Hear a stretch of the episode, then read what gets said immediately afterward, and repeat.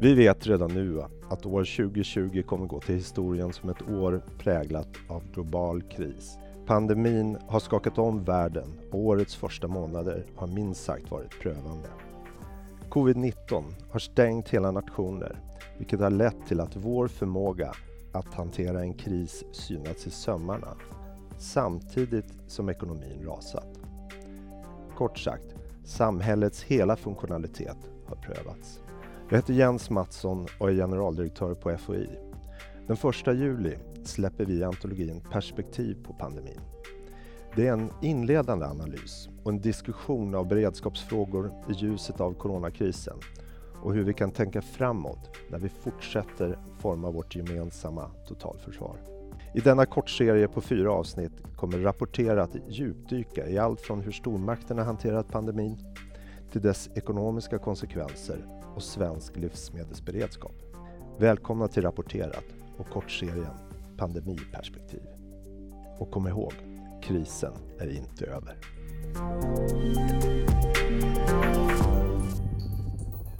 I och med coronakrisen har svensk livsmedelsförsörjning synats i sömmarna. Och det är väl inte så konstigt, för för första gången på många år så gapade många hyllor i livsmedelsbutikerna tomma. Idag ska vi diskutera just livsmedelsförsörjning med två av FOIs forskare, Camilla Eriksson, försteforskare, och Erika Ölund, analytiker. Välkomna till Rapporterat. Tack. Tack. Camilla, du kan väl börja och berätta lite om din bakgrund inom just livsmedelsberedskap? Mm, jag började forska om det kring 2014-2015, precis när det nya försvarsbeslutet kom om att det civila försvaret ska återupprättas. Och då var jag på Sveriges lantbruksuniversitet, SLU, och var forskare där. Och sökte då och fick ett projekt beviljat av MSB om livsmedelsförsörjning på gårdsnivå. Och sen har jag jobbat vidare med de här frågorna sen jag började på FOI för ett par år sedan. Och Erika, hur har det sett ut för dig? Vad har du för erfarenhet? Mm. Jag har en bakgrund som eh, både nationalekonom och miljövetare och jag håller just på att avsluta min doktorsavhandling om målkonflikter i svenskt jordbruk. Och där är ju just beredskaps, eh, en tryggad livsmedelsförsörjning eh, ofta i konflikt mot andra mål som lönsamhet och eh, eh, andra logiker.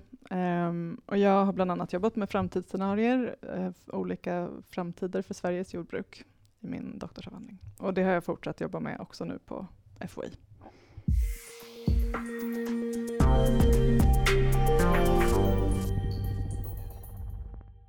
Hur skulle ni säga att coronakrisen har påverkat synen på livsmedelsberedskap?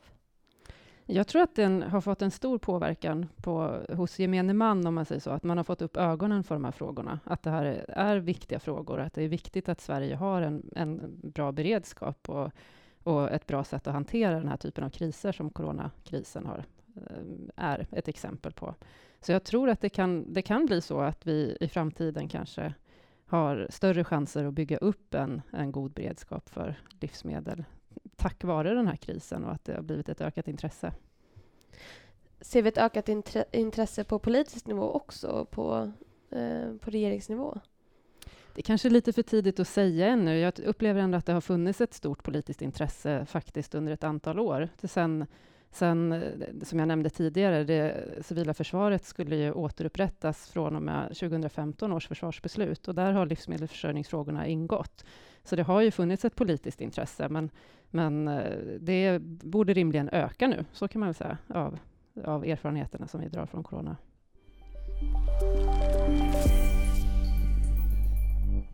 I artikeln som ni har skrivit och som publiceras i antologin Perspektiv på pandemin så beskriver ni en väldigt intressant händelse.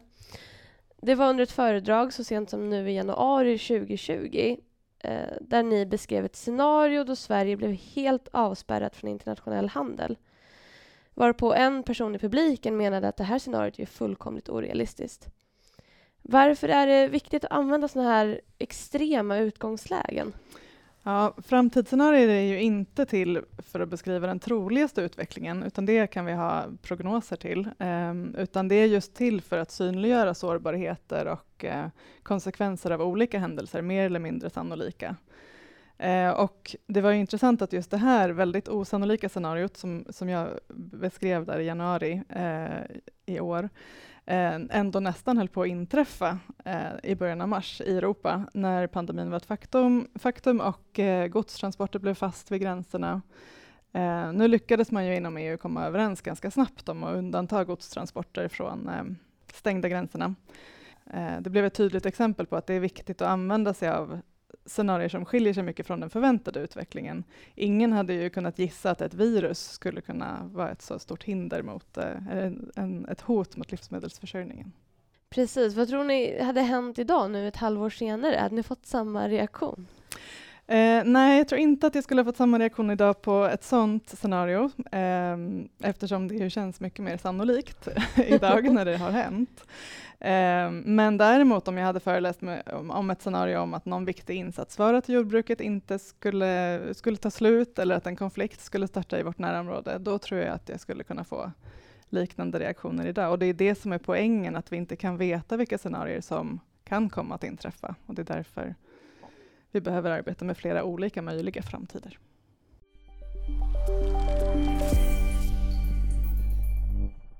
Hur stor andel av våra basvaror är beroende av import? Låt säga att alla gränser stängs. Hur länge klarar vi oss? Det är ju en ganska svår och på, på ett sätt en, en, lätt och svår fråga att svara på eh, samtidigt, skulle jag säga. För det lätta svaret är att vi klarar oss inte mer än några dagar troligtvis. Det är vad man har uppskattat när man har försökt att göra den typen av beräkningar. Och det beror ju på att nästan all vår produktion är beroende av att vi får ett ständigt inflöde av olika insatsvaror till produktionen. Och det gäller ju inte bara i livsmedelsområdet, det gäller ju all industri. Vad är en insatsvara? En insatsvara när det gäller livsmedel, om man tar liksom på, på gårdsnivå då, där man liksom producerar mjölk eller spannmål eller vad det nu kan vara, då pratar man om insatsvaror. Då menar man diesel, handelsgödsel, utsäde, den typen av produkter som, som eh, en gård måste få eh, tag på för att kunna producera någon mat överhuvudtaget. Men i en i senare del av livsmedelskedjan så finns ju också den här typen av beroenden. På mejerierna kanske man behöver man kanske behöver salt, olika tillsatsämnen, eh, man behöver olika typer av maskiner och reservdelar till maskiner, smörjoljor, allt möjligt. Och det är ju därför också väldigt svårt att svara på frågan hur beroende vi är, för då måste man ju faktiskt gå in och göra försörjningsanalyser av varje produkt och se hur, hur framställs den här produkten och vad kan vi få tag på i Sverige av just de varorna som behövs för att framställa det här? Och det är ju ett väldigt omfattande arbete som, som gör att det egentligen är nästan omöjligt att svara på den här frågan. Hur beroende är vi av import? Underlättas det arbetet av en reell kris? Ja, i vissa fall kanske man får erfarenheter nu av att man har, har, har, haft brister på eh, vissa insatsvaror och då kan det väl underlätta på ett sätt att man har blivit medveten om att, att eh, själva produktkedjan, eller vad man ska kalla det för, är väldigt komplex för många produkter. Och det kanske ja, i alla fall har blivit lite en ökad uppmärksamhet kring frågan. Så.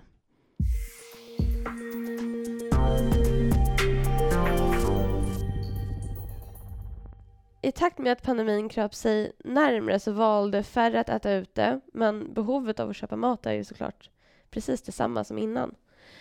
I matvarubutiker såg man hyllor med konserver och toapapper gapa tomma. Hur slog coronakrisen mot livsmedelsförsörjningen? Ja, det har framförallt varit, eh, som eh, du var inne på, en stor logistisk omställning. Att eh, från stora leveranser till restauranger och skolkök och liknande till att styra om och förpacka i mycket mindre kvantiteter och få ut till livsmedelsbutiker och direkt till konsumenter. Eh, sen äter man ju andra saker hemma än på restauranger också.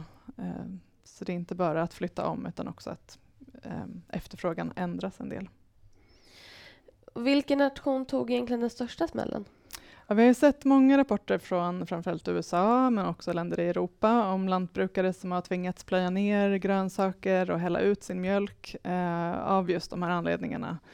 Eh, att man, som någon sa, så äter man inte så mycket friterade lökringar hemma. Det är inte säkert att skolbarn alltid får mjölk till lunchen när skolorna är stängda, som det har varit i många länder. Eh, så ja, USA och olika europeiska länder är där vi har fått mest rapporter ifrån, men sen kan man ju också fråga sig hur mycket som händer i låginkomstländer som vi inte får höra talas om här. Eh, de som producerar livsmedel för den globala marknaden eh, och som inte kan sälja sina varor nu under pandemin, de kanske inte har så stora marginaler, så där finns det en stor risk för ehm, fler eh, eh, som hamnar i fattigdom och, och svält ehm, i de redan allra, allra fattigaste länderna.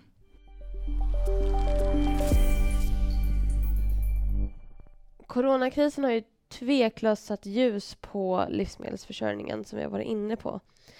Vad är nästa steg för, för Sverige in, i den här frågan? Jag tror rent politiskt så, så, pågår det som sagt en process nu inom ramen för försvarspolitiken att bygga upp en livsmedelsberedskap. Och där är väl nästa steg nu att faktiskt eh, sätta igång med att bygga upp konkreta lösningar, alltså få till konkreta åtgärder. För hittills har arbetet sedan 2015 framför allt bestått av att myndigheter har genomfört analyser och utredningar och, och eh, tagit sig an frågan, om man säger så, och börjat fundera på hur man ska lösa ut den. Men nu nu är det hög tid faktiskt att börja bygga en beredskap. Och den debatten som har förts nu under, under våren på grund av corona har ju återuppväckt intresset, måste man säga, för, för beredskapslager. Det har ju varit väldigt mycket skriverier om beredskapslager. Så det är väl en möjlig väg framåt att titta på lösningar för att bygga upp den typen av, av verksamhet igen. Men det är också väldigt tydligt, tycker jag, att, att det finns väldigt mycket arbete att göra ute i näringslivet med att se över sin kontinuitetshantering och fundera på olika sätt som man kan ha en bättre beredskap inför en, en ny kris. Vi har ju sett i jordbruket till exempel, så har det larmats mycket om brist på säsongsanställda som nu inte kan resa in till Sverige på grund av, av eh, stängda gränser runt om i Europa. Och där, det tror jag är en, en sån fråga som ingen riktigt kanske hade tänkt på innan. Att man har ett sånt beroende och att man därför är sårbar för den här typen av, av kriser. Och det, det, så sätt kan ju det här bli en tankeväckare för många företagare, både i lantbruket och i, i hela livsmedelskedjan och tänka igenom vad de själva kan göra för att ha en lite bättre robusthet, eller öka sin robusthet, om man säger så, sin förmåga att motstå sådana här kriser. Men det, så det finns ett ansvar, tycker jag, både hos näringslivet och hos staten att ta tag i de här frågorna och, och bygga upp en bättre beredskap. Om ni skulle få välja att lyfta varsin utmaning i det här arbetet, vilka, vilken utmaning skulle ni lyfta när det gäller att bygga upp eh, beredskapslager? En utmaning är ju kostnaden. Eh, att det blir en såklart stor kostnad att hålla lager av någonting, eh, mer än vad man just behöver i sin egen produktion. Och det måste finansieras på något sätt av någon aktör.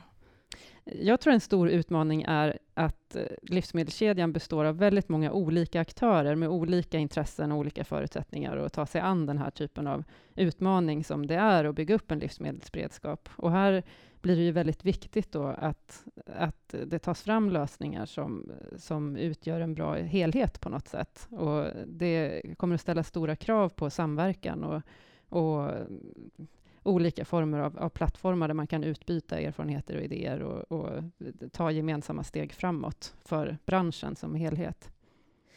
Vad bra. Med det så ska vi avrunda det här korta avsnittet som har handlat om livsmedelsberedskap. Er artikel finns i antologin Perspektiv på pandemin som släpps den 1 juli och som man kommer kunna hitta på www.foi.se. Tack för att ni kom hit.